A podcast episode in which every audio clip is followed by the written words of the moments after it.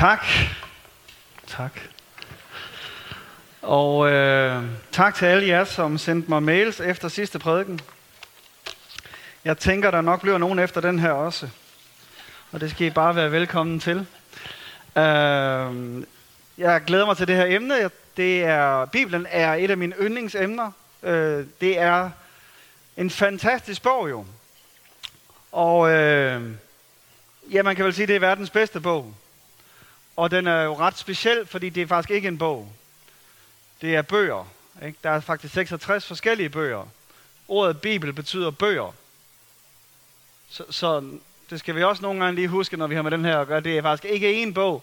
Det er 66 forskellige bøger, der er blevet samlet. De er, den er skrevet af, eller de er skrevet af omkring 40 forskellige forfattere hen over en periode på 15-1800 år på tre forskellige sprog af folk fra vidt forskellige baggrunde, alt fra hyrder til konger. Og alligevel er der en rød tråd i den.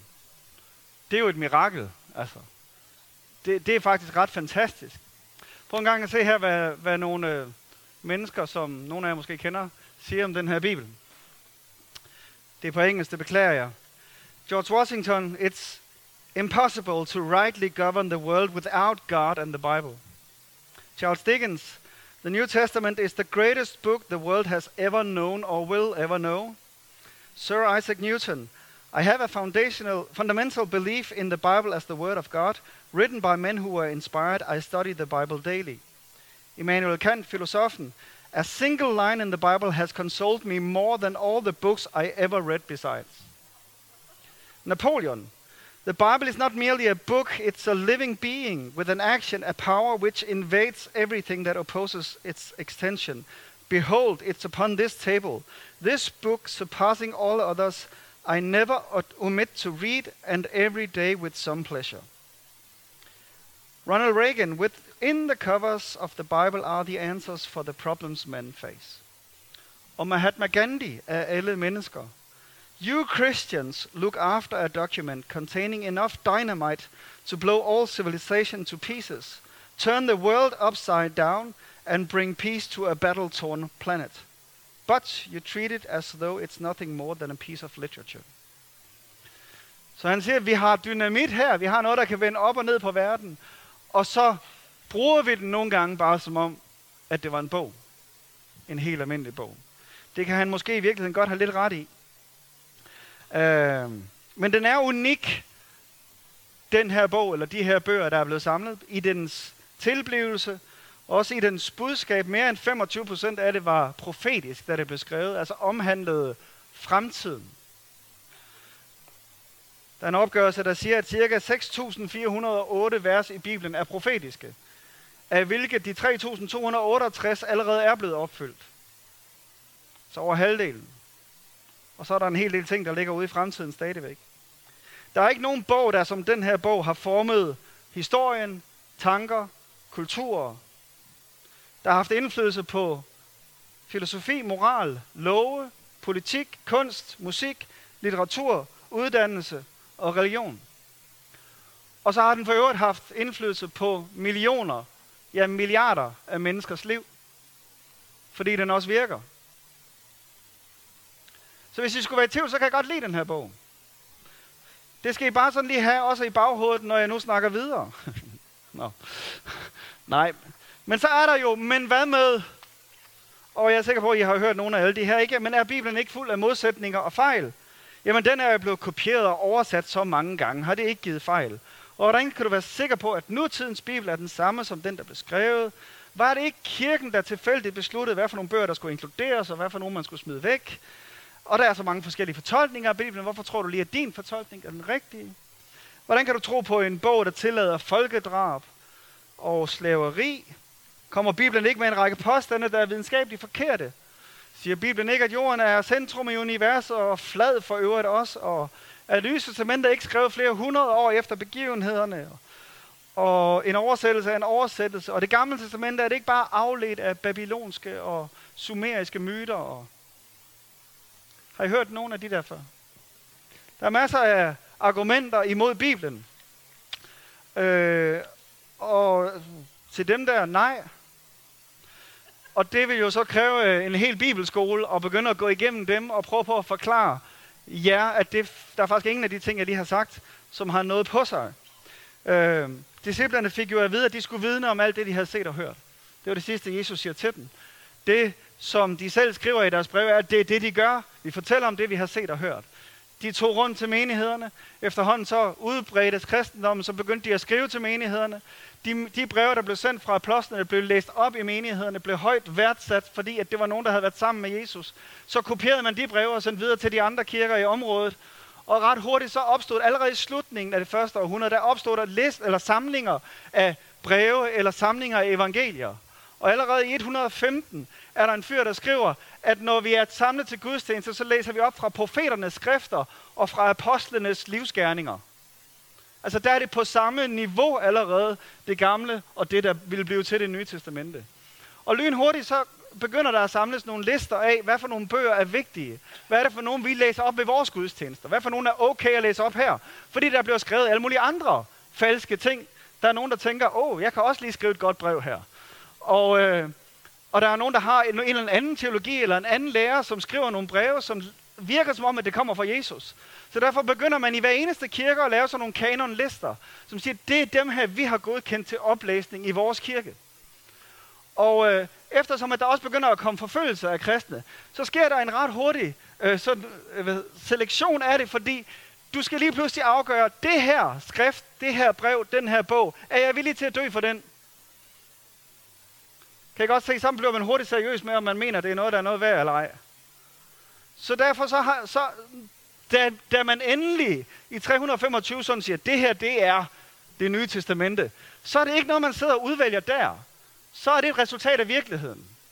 Det er et resultat af, hvad alle kirker har af kanonlister. Så det er dem, vi bruger. Det er dem, vi samlet anerkender som værende sande. Og der er sådan tre, tre ting, man så på. Den ene, det var, at det skulle være fra en apostel, eller en, der var nært beslægtet med en apostel. Den anden var, at den skulle være kanonisk. Den skulle være udbredt i alle kirkerne. Det skulle være en, man brugte til gudstjenesterne.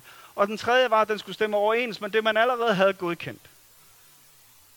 Så, så, så det er ikke sådan tilfældigt, hvad det lige er, der er ind i den her. Og, det er heller ikke, og fordi at det er sådan en bog, der blev udbredt og kopieret så mange gange, så er der ikke nogen, der kan have forfalsket det. Fordi der er 15.000 forskellige kopier af det fra oldtiden. Hallo? Så skulle du forfalske alle dem, hvis du vil forfalske det. Så det, som bibelkritik og analyser går ud på, det er jo så set se bare at kigge på alle de her dokumenter, vi har, og så finde ud af, hvad for nogle er de rigtige. Og det er faktisk ikke så svært, når man har så mange. Hvis de fleste af dem er enige, og så er der to, der er lidt uenige. Ikke? Så er det rimelig let nok at finde ud af, hvem er det, der har forfalsket et eller andet her. Og faktisk er det sådan, hvis ikke vi havde et eneste kopi af det nye testamente, så blev det citeret så meget af de første kristne, at du kunne have hele nye testamente på nær 11 vers, uden at have noget fra nye testamente. Så meget citerede de det. Så, så der er slet ingen tvivl om, at det her, det var det, de første kristne skrev. 99,5 procent af det her, der er overhovedet ingen tvivl om. Så er der 0,5 procent, hvor I jeres bibel typisk ser sådan en lille stjerne, hvor der står, nogle håndskrifter har det her. Og der er ingenting af de 0,5%, som gør nogen som helst forskel på, hvad vi tror og lærer. Okay, er vi med så langt? Godt. Så hver gang vi støder på et problem med Bibelen, så er det ikke den, der har et problem, det er os, der har et problem. Det er vores tolkning, vores forståelse af den historiske baggrund, vores forståelse af, hvordan kom den til os, eller hvordan var geografien, eller skikkene lige der, eller fordi at det er så meget sådan en mangfoldig samling af bøger, det her, at så er det også ofte os, der render ind i nogle problemer. Godt. Bibelen for børn. Det er jo det, vi sådan egentlig takler her, når vi siger Bibelen for voksne. Det, der sker, når vi bliver kristne, det er, at vi får fortalt noget om Gud, og vi får fortalt noget om Bibelen. Og, øh, og det gør vi jo enten som børn, hvis vi vokser op i kirke og går i søndagsskole, eller mango børnekirke, ikke? Så får vi nogle svar på forskellige ting. Eller også så bliver du kristen i en lidt mere moden alder, og så er der nogen, der ligesom fortæller dig, hvordan Gud er, og hvordan det fungerer, alt det her med Gud. Og øh, problemet er bare, at nogle af de svar, vi får der, er gode svar, når vi har den alder, eller når vi er det sted i vores kristne udvikling. Men det er ikke sikkert, det er gode svar 10 år efter. Altså det, det er måske fint nok, at det lille barn får at vide, at storken kommer med de små børn. Men hvis det mener det 20 år efter, så er der et problem. Og tit så er det faktisk sådan i vores kristenliv, at på alle mulige andre områder i, vores, i livet, der ændrer vi, hvordan vi ser på tingene. Der bliver vi klogere, der får vi mere information og mere nuanceret. Men når det lige drejer sig om Bibelen, så har vi hovedet under armen. Og, og mener bare det, vi lærte i søndagsskolen. Ej, det er groft sagt selvfølgelig ikke. Men, men der er altså virkelig nogle ting, hvor vi har brug for at få opdateret vores syn på nogle ting. Og der kunne man jo tage mange ting. Altså, man går helt fra, at Eva spiste et æble, ikke? Og til, at øh, Noah havde to af hver dyr med ind i arken. Det ved I godt, der ikke står, ikke også? Eller at der var ti bud. Eller at Job var en historisk person. Eller at David har skrevet alle salmerne. Eller at det nye testamente begynder i Matthæus kapitel 1. Eller at Jesus han indstifter en nadver, der skal foregå på den måde, vi nu har gjort det her. Eller at der står i Bibelen, at man ikke må trække til og fra i Bibelen. Alt det, jeg lige sagde, det er ikke rigtigt. Altså, det var ikke et æble, og der var ikke to af hver. Og det nye testamente starter ikke i Matthæus, og jo var sandsynligvis ikke en historisk person, det er en roman. Og det er Johannes åbenbaring, der står, at man ikke må trække til og fra. Det er ikke i Bibelen, vel? Så det kan du ikke bruge om hele Bibelen.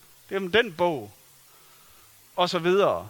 Der, der er så mange ting, hvor vi, hvor vi ikke reflekterer nok over det. Hvor vi bare sådan har et, et måske lidt naivt syn på Bibelen. Og det kan man sige, det, det er jo så måske noget af det her, måske detaljer, noget af det er faktisk ret vigtigt, men så er der de der andre naive ting, vi nogle gange sådan kan finde på at sige, jamen, jamen Bibelen er jo ikke fiktion. Jo, det er den der i allerhøjeste grad. En meget stor del af Bibelen er fiktion. Er poesi. Og skal læses som poesi. Når du læser i salmernes bog, at Gud han spænder himlen ud som et telt, så er det jo ikke en naturvidenskabelig beskrivelse af, hvordan de troede, det var dengang. Vel? Det er salmernes bog. Ikke? Altså, hvis du vil læse Obeduas tekster som en videnskabelig tekst, så vil du nok også få lidt galt i halsen, ikke? Så, så, så der er et eller andet her, der hedder, at en stor del er fiktion, og vi skal bare læse den med en meget klar varebetegnelse. Så hvad er det, jeg læser her? Så er der den anden, hvor man siger, men jeg læser bare Bibelen, som det står. Nej, det gør du ikke. Du læser ikke bare Bibelen, som det står. Fordi du læser noget, der er oversat til dansk. Det er oversat afskillige gange til dansk, faktisk. Og det står på mange forskellige måder i de oversættelser, vi har hen over tiden.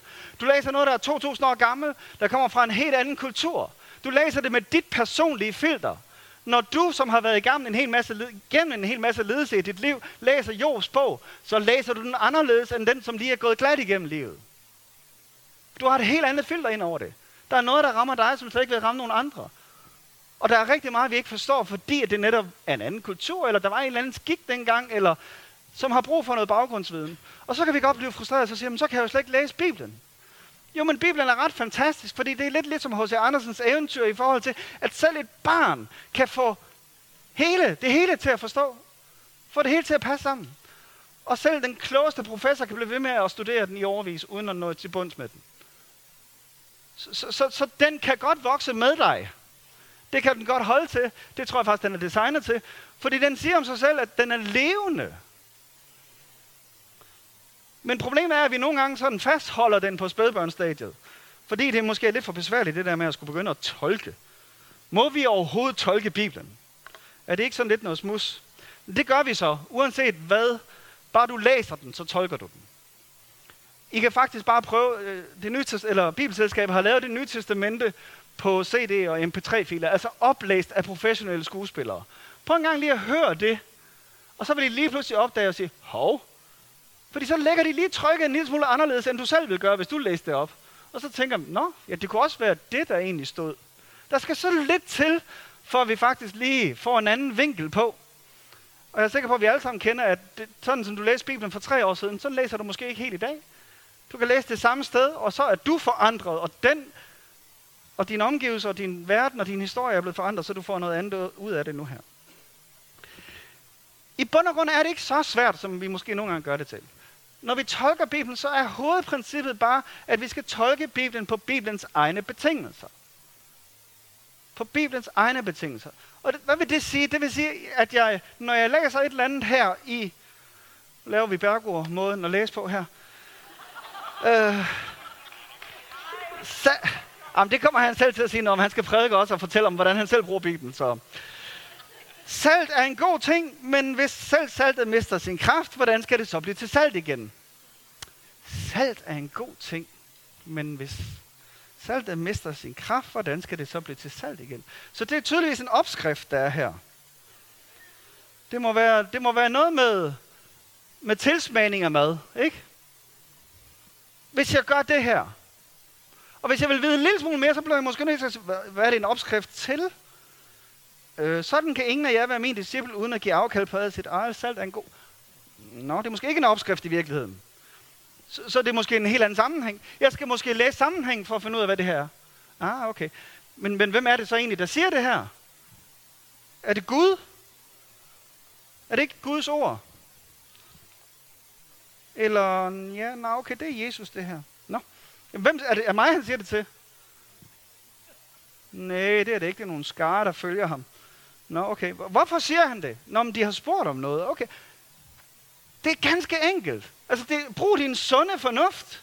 Sig, hvem har sagt det her? Til hvem er det blevet sagt? Hvorfor er det blevet sagt?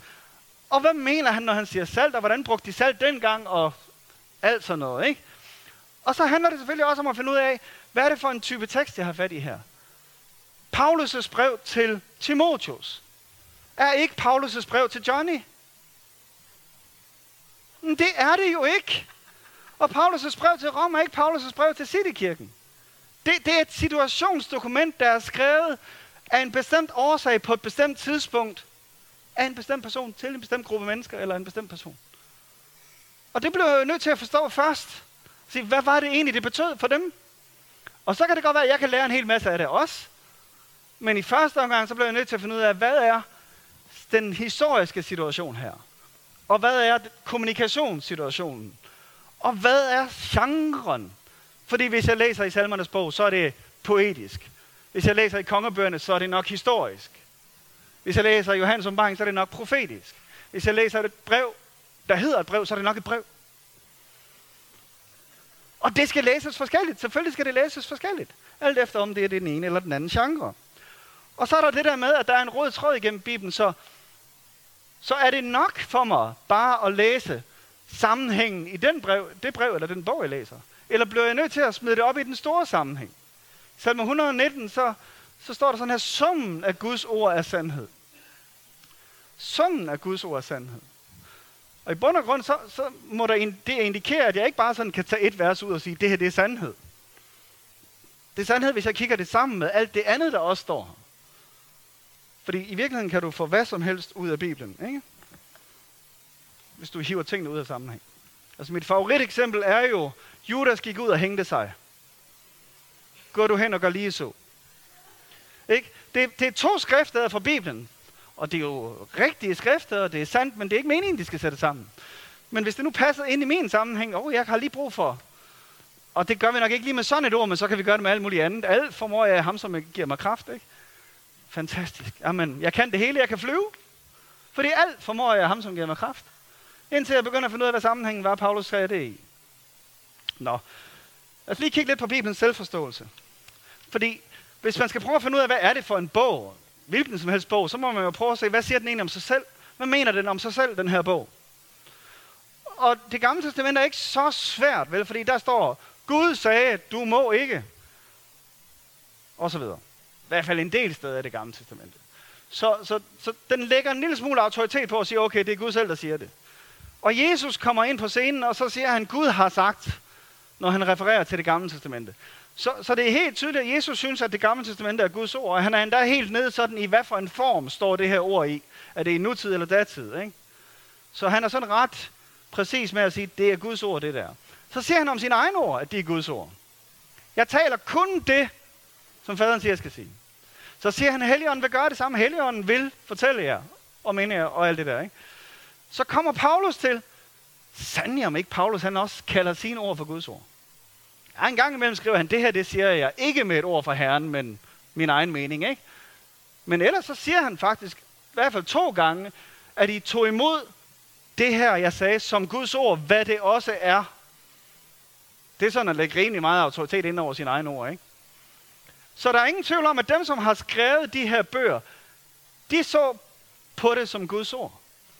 Men, øh, men hvad er så Guds ord? Hvad betyder det?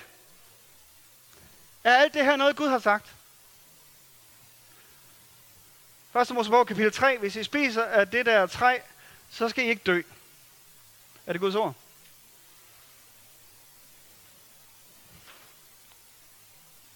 Er det ikke Guds ord? Det er Satan, der siger det. I Jobs bog, så har Job fire venner, som giver ham en helt stribe dårlige råd. Er det Guds ord? Nej, det er de fire venner, der giver dårlige råd.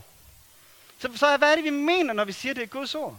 Jamen i bund og grund, så mener vi, eller måske skal jeg starte med at sige, det som Bibelen indeholder, det er, hvad Gud, Satan og mennesker sagde og gjorde. Så, så Bibelen er fyldt med, hvad Gud, Satan og mennesker siger og gør. Der er nogle få steder, hvor der står, så siger Herren, og så kommer der noget. Ikke? Det er meget, meget, meget små procent af den her, som er sådan. Resten er i virkeligheden en familiehistorie. En familiekrønike, der fortæller, hvordan Guds folk, Guds familie, lever og bor og opfører sig over for naboerne og de omkringliggende lande, og hvad Gud gør op igennem Israels historie, og, og historien om, hvordan Jesus kommer ind på scenen, og hvad der sker i den første kirke osv. Det er en familiehistorie.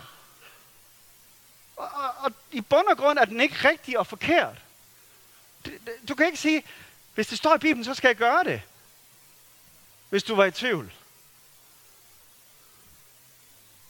Fordi så skal du ud og slå nogle folkeslag ihjel i hvert fald. Dræb nogle spædbørn. Gå i seng med prostituerede. Altså, der er mennesker, der gør alle mulige ting i den her bog. Så det, det Guds ord betyder ikke, at det er det, vi skal gøre. Det, det, når vi siger, det er Guds ord, så betyder det bare, at det er det, Gud har givet os. Det er det, Gud har villet, vi skal have. Og hans pointer med at give den til os, er, at vi skal forstå noget om, hvordan vi som mennesker er, hvordan han er, og hvordan han relaterer til os. Men den der sammenhæng er ret nødvendig at lige at få ind. Så bare fordi det står i Bibelen, så er det altså ikke rigtigt. Den må man gerne notere ned. Hvad Bibelen, der er helt sikkert nogle citater fra den her prædiken, som kan tages ud og misbruges rigtig meget. Hvad Bibelen kan og ikke kan. Plus, den kan fortælle os, hvem Gud er, og hvordan han har handlet i historien, og hvad hans planer er for fremtiden. Det er det, Bibelen kan. Den kan fortælle os, hvem Gud er, hvordan han har handlet i historien, og hvad hans planer er for fremtiden. Hvad er det så, Bibelen ikke kan? Den kan ikke fortælle dig, hvad Gud vil specifikt gøre lige nu.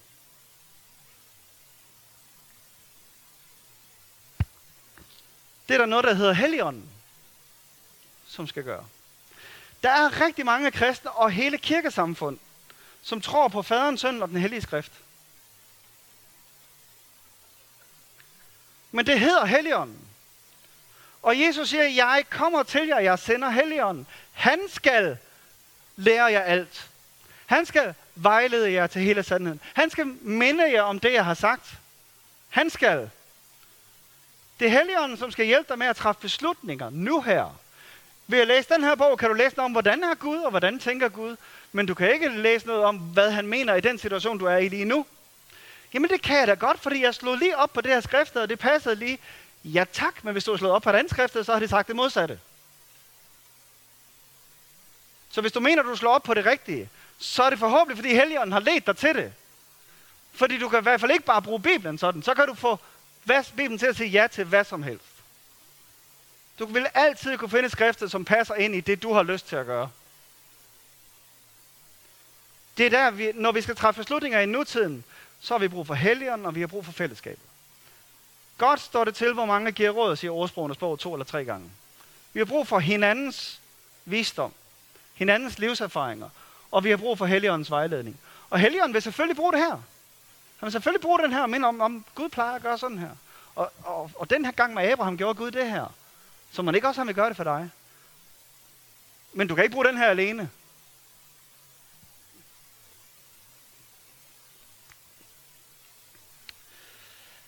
Fordi Bibelen er ikke sagen selv. Jeg er helt vild med den her bog, men det er ikke den her bog, der er sagen. De første kristne i de første par hundrede år havde ikke den her bog, vel? De holdt ikke andagt hver morgen ved at læse op af Bibelen. Fordi de havde ikke Bibelen. Bibelen er vores bedste kort navigation over, hvem Gud er, og hvordan han tænker, og hvordan han handler. Men den er ikke Gud. Det er nok, jeg tror faktisk, det er derfor, vi ikke har nogen originale manuskripter, fordi så har vi nok tilbedt dem. Så har vi nok haft sådan et eller andet sted, sikkert i Jerusalem, med sådan et eller andet, vi kunne gå ind og bøje os ned for. Her lå bogen. Den er ikke Gud. Forestil dig, at du skulle besøge mig, og, øh, og du kørte på vej hen imod mig, og øh, hver eneste gang, der kom et vejskilt, så stoppede du op, og så gik du hen og havde en samtale med det vejskilt. Og, og du, så kommer du hen og holder lige udenfor, hvor vi bor. Og så tager du din uh, Google Maps eller Siri eller et eller andet op og sidder og har en lang snak med den. Uden nogensinde at gå ind. Det er sådan mange af os behandler Bibelen. Fordi den er ikke et mål i sig selv. Jeg elsker den her bog, men jeg elsker den, fordi at den peger på en, jeg elsker endnu mere. Meningen med den her bog er ikke, at du skal fortabe dig i den. Meningen i den her bog er, at du skal få opslugt, at det den peger på. Den er ikke sagen selv. Der er en anden, der er sagen. Jesus siger det faktisk til farisæerne. Han siger, I far vil, fordi I hverken kender skrifterne eller Guds kraft. Og, og alle fejl, vi gør som kirker og kirkesamfund og sekter og alt muligt, det er enten så forsømmer man det der med helligånden. Nej, vi har Bibelen, og det er den. Eller også så er det bare Helligånden, den kan fortælle os det hele, og så glemmer vi alt, hvad han har sagt i fortiden. Vi har brug for begge dele for at kunne navigere trygt, men det er ikke den, der er selve sagen. Den åbenbarer bare, hvad sagen er så. Og hvad er sagen så? Jesus. Prøv at høre her, der er et rigtig spændende skrifter her i Hebræerbrevet. Starten af Hebræerbrevet. Mangfoldige gange, og på mangfoldige måder har Gud i fortiden talt til, forfæd, eller til fædrene gennem profeterne. Altså det, vi har i det gamle testamente her. Men nu ved dagenes ende har han talt til os gennem sin søn, hvem han har indsat som arving til alle ting. Ved hvem han også har skabt verden. Han, altså Jesus, er Guds herlighedsglans og hans væsens udtrykte billede, og han bærer alt med sit mægtige ord. Så så hvis jeg gerne vil vide, hvem Gud er, så er det Jesus, jeg skal have fat i. Fordi han er hans væsens udtrykte billede. Han er essensen af, hvem Gud er. Så i virkeligheden kan man sige, at Bibelen er som... Kender I de der film eller de der bøger, hvor man læser hele vejen igen, og så i sidste kapitel, så kommer der lige sådan en plot twist, hvor det hele vendes op og ned, og det du tænkte, der, du havde styr på i starten, det lige pludselig bliver vendt op og ned. Nogen, der har set sådan nogle film, læser noget. Nej. Nå. En, en god gammel klassiker er The Usual Suspects. Hvis ikke I har set den, så skal I se den. Vi, vi sad og så den, jeg kan huske, det var på videobånd. Sad og så den, og så sad vi til sidst og sagde, hvad? Og så måtte vi tage, spole hele vejen tilbage på den der VHS, og sidde og se den langsomt igennem, for at se, om det hele kunne give mening til sidst. Det er et fantastisk plot. Og det er fuldstændig det samme med Bibelen. Hvis du læser igennem, indtil Jesus træder ind på scenen, så tænker du bare, hvad sker der her? Altså, okay, nå, men det, det er åbenbart sådan Gud er, og offringer, og her de bliver udryddet nogle folkeslag, og de skal overholde 638 regler. Nå, hold da op, det er godt nok. Og så kommer Jesus ind på scenen, og pum, vender det hele op og ned. Man tænker, okay, så bliver jeg nødt til lige at genlæse det hele igen, i lyset af, at han kom ind i billedet og i lyset af, hvad han åbenbarer om Gud, hvis han er hans væsens udtrykte billede, så bliver jeg nødt til lige at tage til genovervejelse alt det, jeg vidste i forvejen, og sige, hvordan passer det så ind i det, han viser mig om Gud? Det er ikke kun Hebræerbrevet, der siger det. Johannes 14 siger Jesus til selv. Philip sagde til ham, her viser os faderen, og det er nok for os. Jesus sagde til ham, så lang tid har jeg været hos jer, og du kender mig ikke, Philip. Den, der har set mig, har set faderen. Hvordan kan du så sige, vis os faderen? I grænsker skrifterne, siger han til farisæerne, fordi I mener at have evigt liv i dem, og netop de vidner om mig, og dog vil I ikke komme til mig og få liv. Det er altså ikke kun farisæerne, der kan finde på det. Det kan vi også nogle gange. Vi grænsker skrifterne. Men de skal føre til Jesus. Fordi det er ham, der viser os, hvem faderen er. Det er det, han gik og gjorde og sagde, og først og fremmest det, der sker på korset, med hans offer, hans kærlighed til os, hans tilgivelse, hans genopretning af det hele. Det er det, der viser os, hvem faderen i virkeligheden er. Det betyder også, at det er ikke alt i den her bog, der har samme vægt. Det er ikke alt i den her bog, der portrætterer Gud lige godt.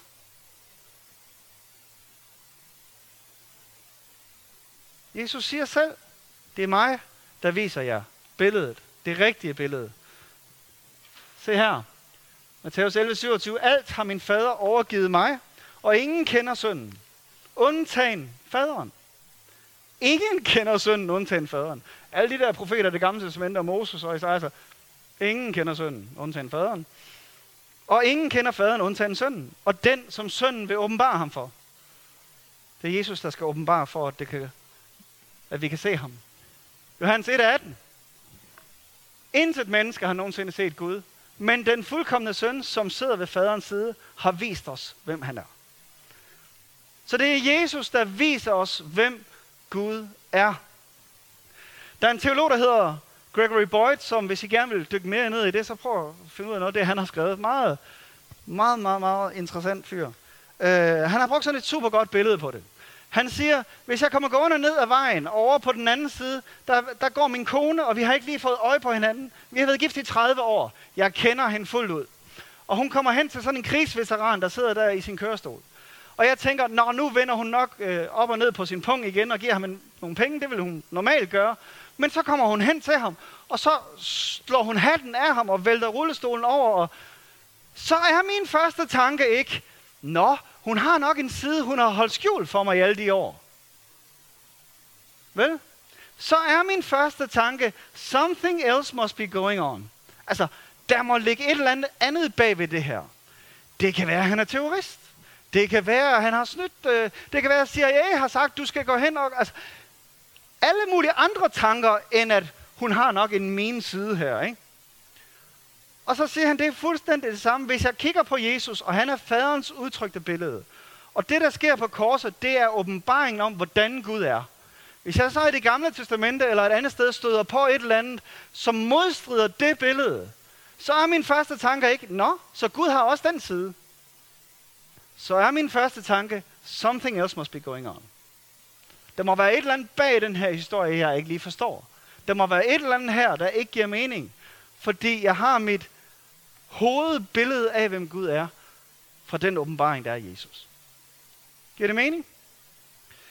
Så, så mit forslag, ja, vi skal næsten lige have den her med også, fordi han fortsætter jo her i, Paulus siger det også, denne verdens Gud, Satan, har gjort dem så blinde og vantro, at de ikke kan se det herlige lys, der stråler fra Guds budskabet om Kristus. Han, som er Guds billede. Altså det er tydeligvis sådan, de første kristne så på det i hvert fald. Vi kan se den usynlige Gud ved at se hans søn, som er herre over alt det skabte. Og, og, og det forklarer også den måde, det nye testamente bruger det gamle testamente på. Fordi nogle gange, så kan man godt tage sig til hovedet og så sige, der stod der ikke noget om Jesus i det vers, de citerede der. Jo, det gjorde der for dem. Fordi de havde Jesus briller på. Ikke? Uanset hvad de kiggede på, så stod der Jesus. Uanset, altså, når, der, når man, jeg tror det er Matthæus, der siger, fra Ægypten kaldte jeg min søn. Og det er så, det er jo helt klart Jesus, der kommer fra Ægypten der, øh, med forældrene, efter de er stukket af øh, fra Herodes og alt det der. Overhovedet ikke, det handler om Israels folk, der går ud af Ægypten. Altså, det er en helt anden kontekst i det gamle testamente. Men når Matthæus læser det, så handler det om Jesus. Og det kan vi godt sige, det, det der er bibelmisbrug. Og, nej, nej, nej, nej det, det, vi skal ikke lægge vores måde at tolke tekster ned over sådan en antik tekst her. Det er fordi, at de har forstået, at det hele handler om Jesus. Og alt det der, som vi tænkte var alt muligt andet, skal vi lige pludselig genlæse, fordi plottet er ændret. Nu er Jesus kommet ind på scenen her, og har vist os, hvordan Gud i virkeligheden er. Og så må vi tolke alt andet i det lys. Og det kunne der så siges rigtig meget mere om. Så, men det jeg gerne vil efterlade jer med er, Bibelen er verdens vigtigste bog. Det er en fantastisk bog. Og det er den jo, fordi det, det er vores bedste kilde til, hvem Jesus er. Men det er en bog. Det er ikke sagen selv. Det er Jesus, der er sagen selv. Har jeg efterladt jer nogenlunde med det? Så lad os lige bede sammen, og lovsangen, I må gerne komme op, og så, så reflekterer vi en lille smule over det. Det kunne godt være, der var nogle tanker, der har brug for lige at rasle ned og sætte sig på plads. Tak, Jesus. Tak, Jesus, at du viser os, hvem Gud er. Tak her for den åbenbaring, vi har i, i dit ord her om, hvem du er. Hvad dit væsen er. Hvordan din indstilling over for os som menneskehed er. Tak, Jesus, at du er villig til at ofre alt, til at dø for os. Tak for din plan om at genoprette alt. Tak for din ufattelige kærlighed til os. Og her jeg beder om, at du vil hjælpe os til at have Jesus briller på. Her hjælp os til at ikke at fokusere på vejkortet her, men fokusere på destinationen. Her hjælp os til i mødet med dig her at blive forvandlet. Også i mødet med dig at få svar på nogle af de spørgsmål, vi har. Tak, at vi kan få lov til at wrestle og kæmpe her med det, som er svært, og det vi ikke helt forstår, fordi vi ved, hvem du er. Fordi vores udgangspunkt ikke er, gad vide, hvordan Gud er, men fordi du har åbenbart det så tydeligt for os. Og her det beder om, det må gennemsyre hele vores forhold til dig, vores forhold til Bibelen, vores forhold til hinanden, at vi ved, hvem du er.